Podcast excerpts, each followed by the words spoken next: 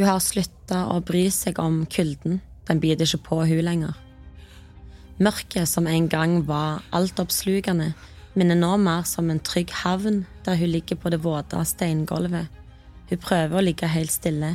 Hver minste bevegelse i kroppen minner hun om den brutale smerten hun er utsatt for. Hun hører en lyd. Døra går opp, og lyset som følger med, blotter det klaustrofobiske rommet hun oppholder seg i. Hun vet hva som venter. Hun har jo sett det sjøl. Med domkirka i ryggen kan hun se det store bålet i Sandvika. Hun kikker ned, men kjenner blikkene fra folkene som står langs veien. Gjennom byen der hun kjenner de fleste, går hun ydmyka på vei mot bålet. Kanskje møter hun blikket til mannen hennes eller barna sine idet hun blir ført inn i flammene for å dø. Du hører podkasten Stavanger i 900 år. En podkast med historier fra Stavangers 900 år lange historie. Byen som brant kvinner.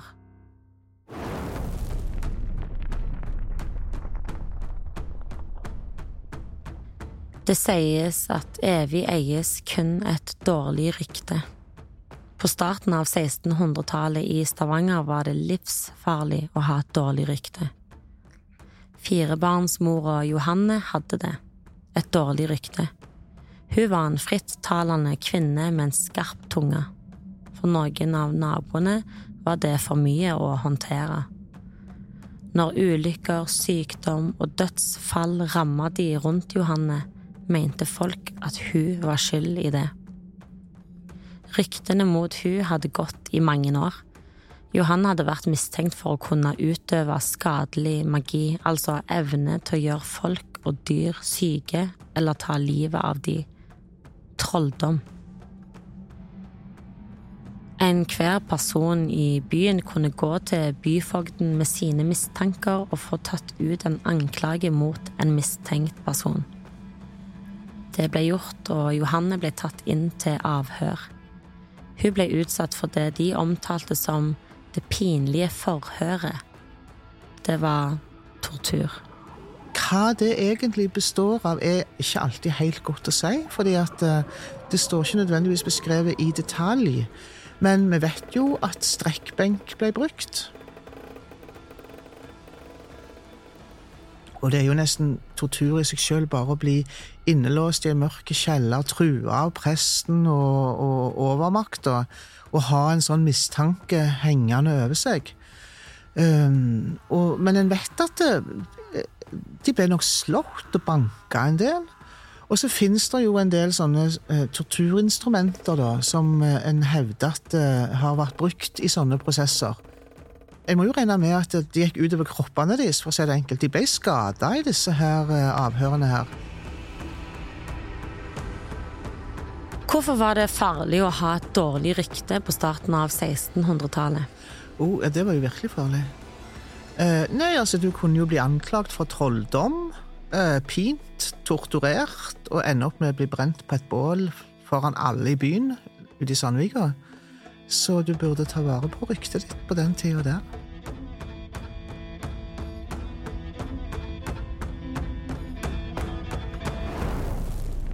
Hekseprosessen det angår jo hele Europa, men, eh, og det sto nok ned på forskjellige måter forskjellige plasser. Men i Stavanger på 1600-tallet, det, det, det, var jo et lite samfunn. Det bodde kanskje 1500 mann, og, og da var det en del innflytting. Så det hadde vært enda færre. Eh, og en hadde vært gjennom reformasjonen på 1500-tallet. Og fått nye folk som styrte byen, og nye folk som styrte kirka, og mye nytt som skjedde. Eh, så det var sikkert et samfunn der det var eh, Folk var sikkert litt urolige, på en måte. Det, det, det var ikke ei fredelig tid.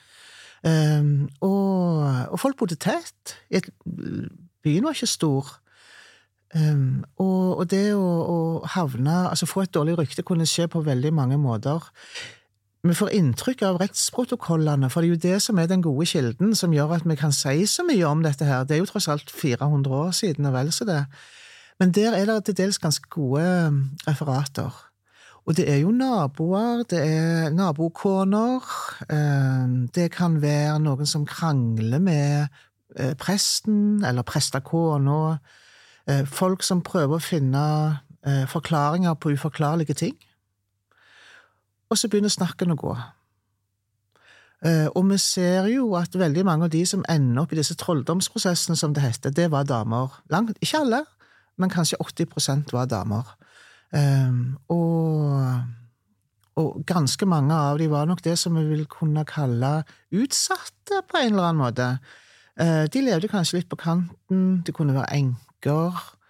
Noen, uh, for eksempel, kjenner vi til, dreiv et skjenkested. Det var ikke nødvendigvis noe som skapte et godt rykte. Uh, men det var vanlige folk òg. Johanne Pedersdatter, som er en av de som vi kjenner her fra byen, hun var gift med en kjøpmann, så det skulle jo i utgangspunktet bety at hun var sånn eh, passe bra posisjon i samfunnet. Johanne ble utsatt for tortur etter ordre fra lensherren. Mest sannsynlig ble tilståelsen pint ut av henne på strekkbenken i Kongsgårdkjelleren. Etter tilståelsen var det ingen vei utenom. Bibelen skulle følges. En trollkvinne skal du ikke la leve. Det som jo er litt spesielt, er at eh, det er jo både kirke og sivilsamfunn sammen, altså kirken og kongen, for å si det enkelt, som, eh, som står bak hekseprosessene. Men eh, det kommer jo fra lært kirkelig eh, teologi, dette her, for langt tilbake. Lenge før reformasjonen, faktisk. Eh, så overgangen mellom katolsk og protestantisk tid betydde ikke så veldig mye når det gjaldt synet på at eh, kvinner kunne være påvirka av djevelen. Og kvinner ble regnet som svakeligere enn menn og på en måte lettere tilnærmelig for djevelen enn en mennene. Og det står òg i Bibelen flere sitater som kongemakten hvilte seg i, på en måte, for å, eh, for å, få, for å forklare hva dette var. Blant annet så hevdes det at i en av Mosebøkene at en trollkvinne skal du ikke la leve.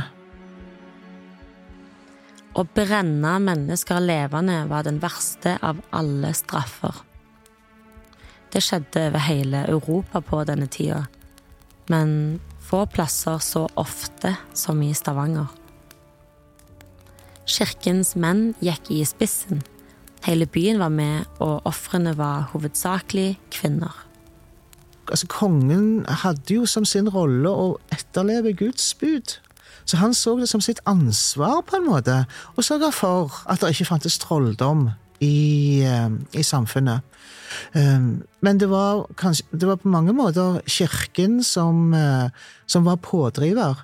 Og etter reformasjonen i Stavanger så hadde vi jo faktisk en biskop som var jo en av de verste pådriverne for å sette i gang hekseprosesser. Eh, og han var med og, og sørga for at det kom flere forordninger som gikk på at en måtte øke jakten på trolldom i samfunnet, for det var nødvendig.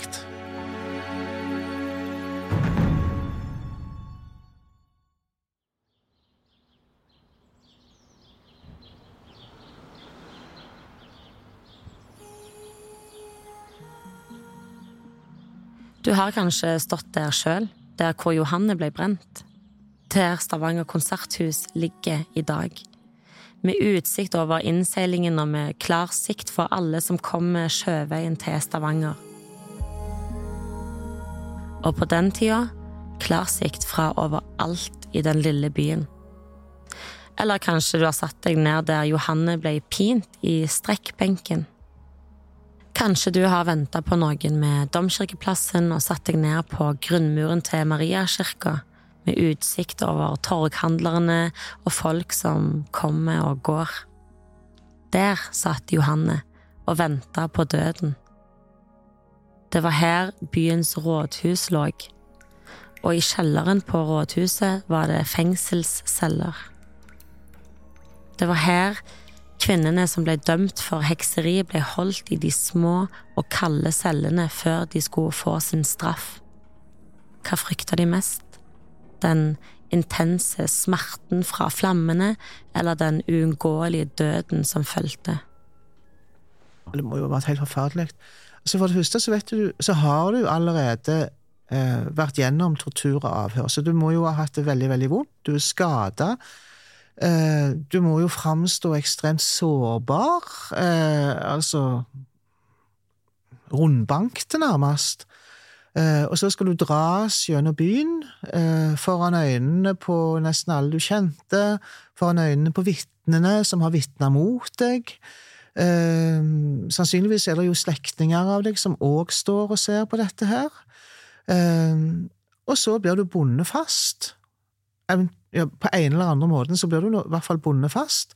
Og enten at man, eh, at man fyrer opp bålet under deg, du må stå der og kjenne at varmen kommer tettere og tettere på, eller at det er et bål i fulle flammer som du blir kasta på mens du er bundet til en form for stie eller stativ.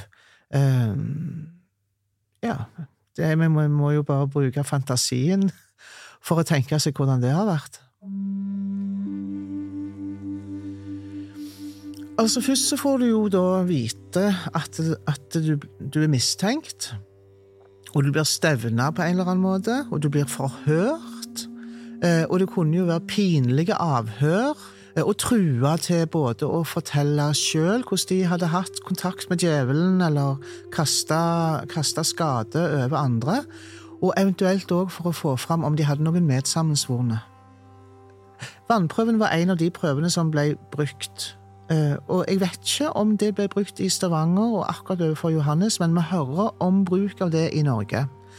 Uh, og den er jo uh, like så absurd som, som, egentlig en del av disse anklagene var, på den måten at en sa at naturen, altså det rene vannet, ville ikke ta imot noe så skadelig som ei heks.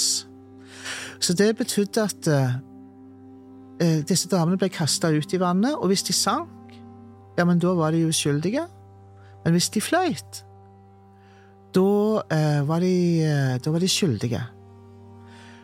og det er, en, det er, en, sånn logikk som du nesten ikke kan motargumentere mot. og hvis du da tilfeldigvis sank og dermed ble regnet som uskyldig, så drukna du jo. gjerne. Sånn at det, det, var en prøve som, som, du nesten ikke kunne komme heldig ut av, for å si det enkelt. Det pågikk over lengre tid, og det er sannsynlig, mener de, at hun kan ha blitt eh, eh, lagt på strekkbenk. Eh, og det er jo rett og slett et torturinstrument der du blir bundet fast til en benk som har hjul som gjør at eh, når man kjører disse hjulene, så dras lemmene i kroppen nærmest fra hverandre. Det må jo ha vært uhyggelig smertefullt, rett og slett. Eh, og det er jo klart at når du eh, oppbevares i, en, eh, i et fangehull i rådstua, som var den gamle Mariakirka, som var bygd om til sånn sivil by Altså, det var der byen ble styrt fra. Det sivile byen ble styrt fra. Nede i en mørk kjeller midt i byen der. og du blir utsatt for, for pine, rett og slett, på en strekkbenk. Bonde fast av, eh, av, byens eh, øverste borgere og ledere, og eh, med kirka i ryggen, ja. Da slutter du kanskje å nekte, da.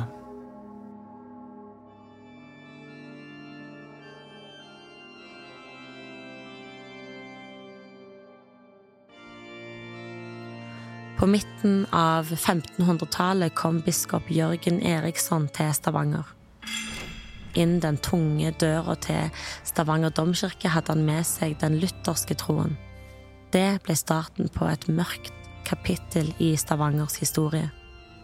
Der henger et bilde av han i domkirka. Han, han, ser litt nufs ut. Og når vi leser om han, så er det jo ingen tvil om at han var nok en veldig mektig mann. Eh, han var pådriveren for å få gang på hekseprosessene i Norge, faktisk. Ikke minst i Stavanger. Han var utdanna i Danmark eh, og i Wittenberg, altså i Martin Luther sin egen by.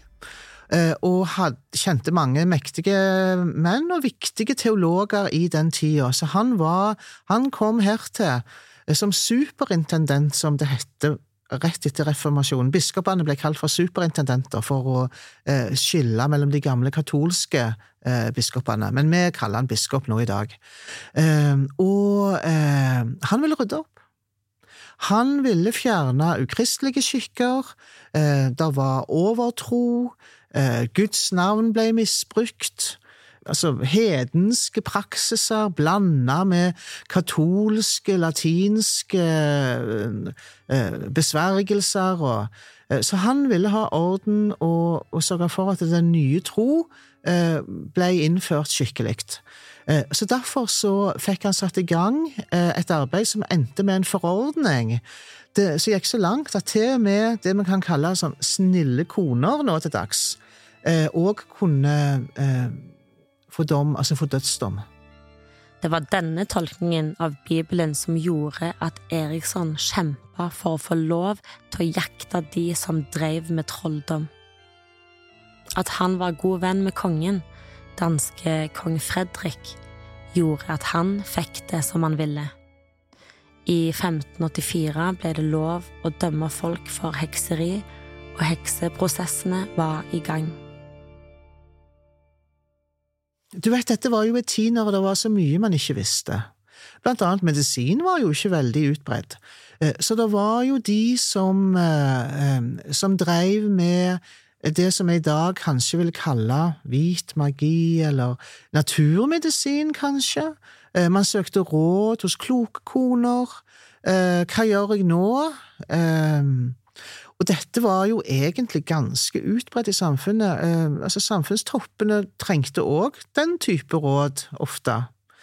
Eh, og det var på en måte ikke blitt betrakta som så eh, ille som det å, å liksom være i pakt med djevelen. Det var jo noe mye verre. Men eh, med, med, Jørgen eh, Eriksen så kom det en forordning der en òg gjerne gikk i Altså, en spilte på de gode kreftene i bønn og den type ting. Eh, det ble òg regna for, for, å være Altså kunne gi dødsstraff, selv om det var på en måte velmente handlinger, da. Jeg tenker jo at dette det er et samfunn med veldig sterk sosial kontroll. Rett og slett. Eh, her var det nok eh, ganske smale grenser for hvordan du kunne opptre, og eh, hva du kunne si, hva du kunne kritisere. Det var jo ikke et samfunn der tanken var fri, for å si det sånn. Helt, helt motsatt. Um, og um, i, i, kirkene så fikk man jo beskjed om hvordan man skulle leve. Eh, både når det gjaldt eh, de religiøse forordningene, men òg egentlig sivillivet ditt, familielivet ditt. Eh, sånn at det, kirke og Og det vi ville kalt nærmest kriminalitet i dag, da, glir jo over i hverandre. Hvorfor ble Johanne dømt? Ryktene mot henne hadde gått i mange år. Dette var ikke noe som skjedde veldig raskt. Og hvis hun var rundt 40 da hun ble drept, så må jo hun da ha bygd seg opp, holdt jeg på å si, siden kanskje 20-åra. Johan hadde vært mistenkt for å kunne utøve skadelig magi, altså evne til å gjøre folk og dyr syke eller ta livet av dem. Altså, Johanne hun var født i 1580-åra og eh, endte opp da med å bli drept eh, i eh, 1622. Så hun var eh, rundt 40 år gammel, hadde fire unger og var gift med Simen Jacobsen, som var kjøpmann. Eh, vi vet vel ikke nøyaktig hva hun drev på med, men siden hun, hun var gift med en kjøpmann, så kan vi jo regne med at hun var med i, i, i driften av den, eh, den, forretningen som han drev. At de hadde et form for eh, sikkert en krambu eller kjøp og salg, eh, og at de kjøpte inn varer for videre salg. Eh, og med fire unger så hadde hun sannsynligvis ansvar for hus og heim, og hadde sikkert noen tjenesteunger. Uh, og hun levde tilfeldigvis òg i den perioden da det var mest fokus på dette med trolldomsprosesser. Så hun var litt uheldig med det. Et av mange vitner var Mats Gregersen. Han avla ed om at han elleve år tidligere hadde krangla med Simen Jacobsen og Johanne Pedersdatter om arven etter Mats sine svigerforeldre. Eh, det handla om, eh, om hvordan, eh, hvem som skulle arve. Og det var både Johanne og mannen og kona til Mats. De var i slekt, og, og, og det var en god gang gammeldags arvetvist som endte opp da i, i, krangling. Og det er jo noe vi kan kjenne igjen òg nå i dag.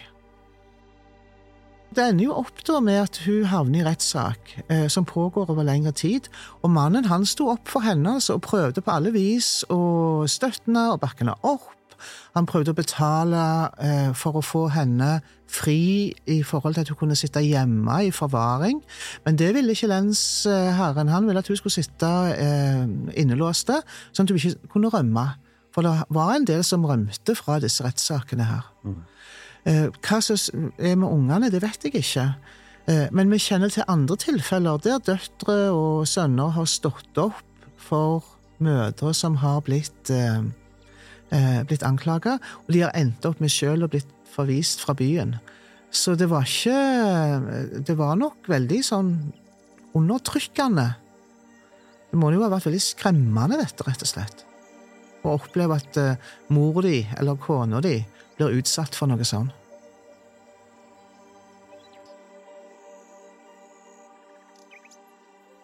Allerede 10. september var hun blitt dømt til fengsling annet for å forhindre rømning før dom ble avsagt. Fram til 28. september ble hun utsatt for tortur etter ordre fra lensherren. Og denne rettssaken den foregikk jo øh, i flere uker og måneder. Um, og det som jo òg var veldig spesielt, var at uh, det var jo obligatorisk oppmøte ved dødsstraff. Uh, for dødsstraff det var eh, en skremselsstraff.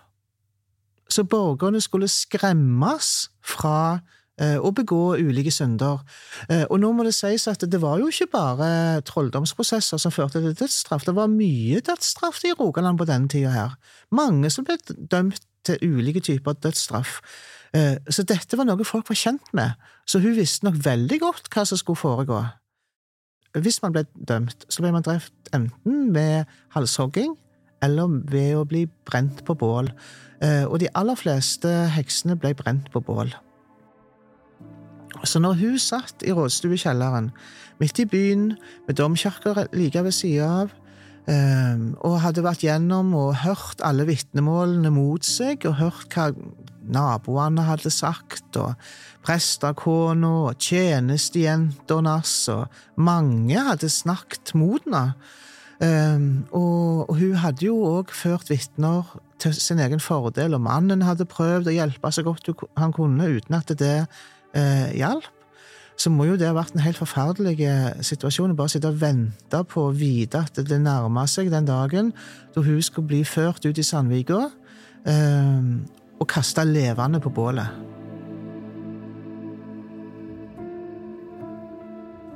På 1600-tallet så var Stavanger eh, Mesteparten av byen var jo konsentrert på det som vi kaller Holmen Østervåg, eh, altså langs eh, eh, Skagenkaien. Det var der mesteparten av bebyggelsen var. Og det var så vidt begynt å komme bebyggelse utover på Strandkai-sida, som jo den sida der du kom ut til Sandvika. Eh, så det har nok vært eh, Det har sikkert vært litt sjøhus og sånn, men det har nok vært ganske åpent. Eh, lett å komme til med båt. Du kunne se det fra de andre byøyene. Men inne på, inne på tuppen av Holmen, der har det vært god utsikt over til andre sida, for å si det sånn. Og til hele Byfjorden. Innseilingen. Over mot Søløst og ja, i hele området der så har det vært et veldig tydelig sted. Og det er jo en bitte liten holme rett ut forbi Bjerksted som heter Tjuvholmen, som en òg regner med har vært brukt til rettergang, altså avstraffelse av folk. Så det der går langt tilbake i tid. Um, og i og med at det er så få kilder, så må vi jo nesten prøve å forestille oss dette. Men enkelte kilder dukker opp her og der som handler om dette. Bl.a. hvis det var utgifter. Og det blir fortalt at eh, når en skulle bygge et bål som ei heks skulle brennes på, så gikk det med flere båtlaster med ved. Og det måtte jo eh, noen betale for, så derfor er det ført opp i regnskapet. Derfor så vet en hvor mye ved som ble frakta til det bålet. Og det foregikk nok òg over ei viss tid. Så dette har bygd seg opp eh, rett og slett i byen. Man har visst om det, det har vært bekjentgjort. Man har sett at bålet vokser, omtrent som et sånn kjempestort sankthansbål, bare at det er mye nifsere, da.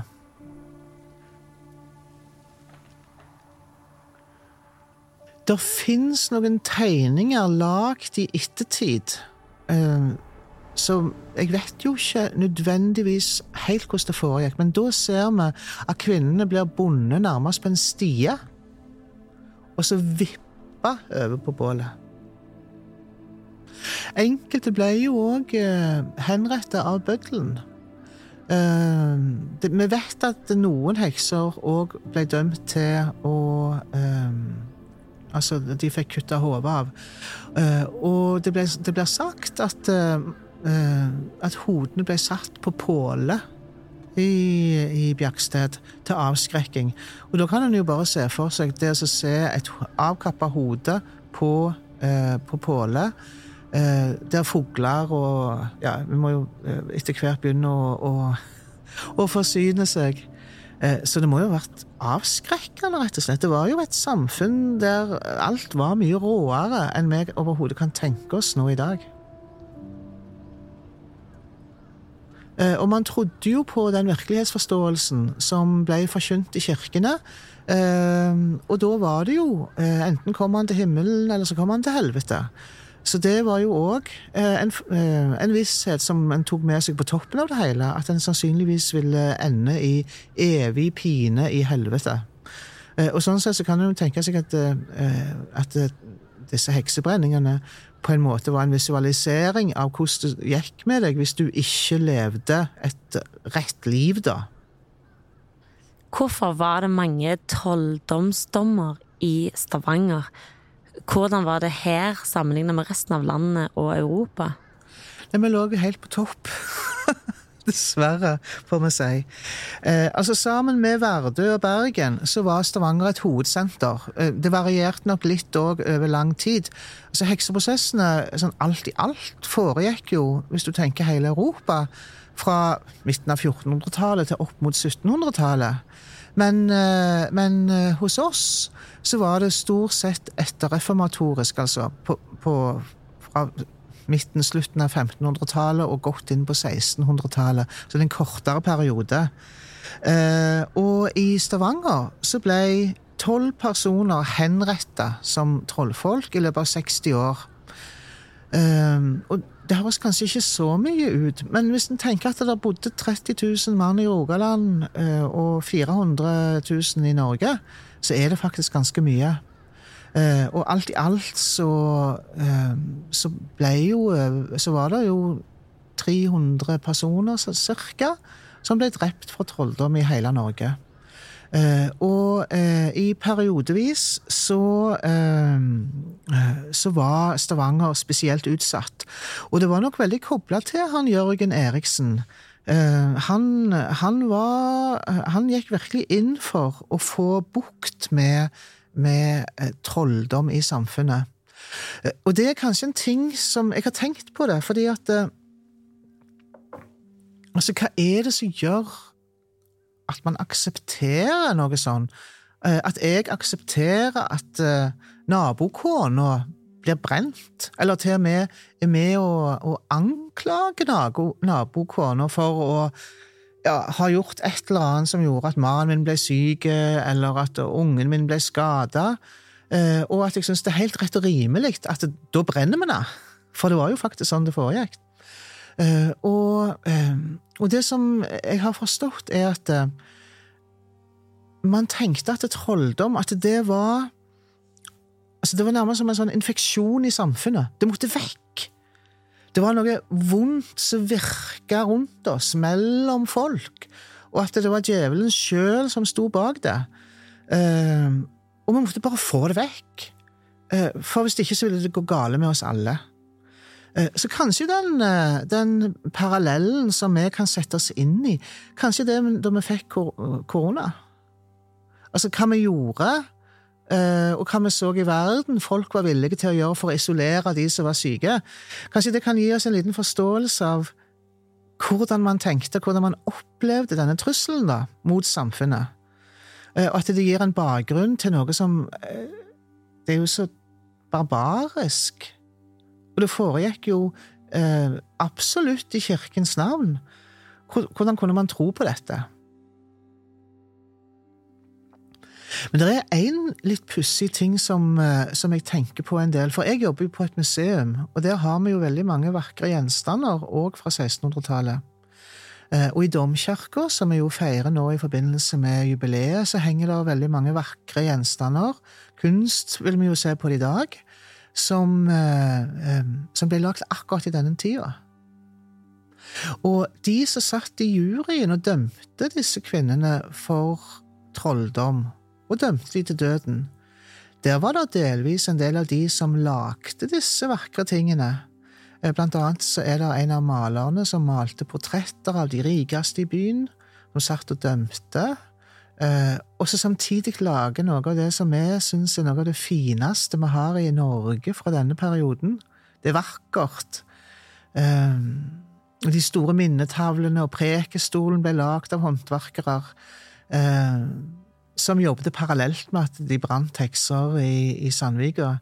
Og det er jo eh, noe jeg ikke har tenkt på tidligere.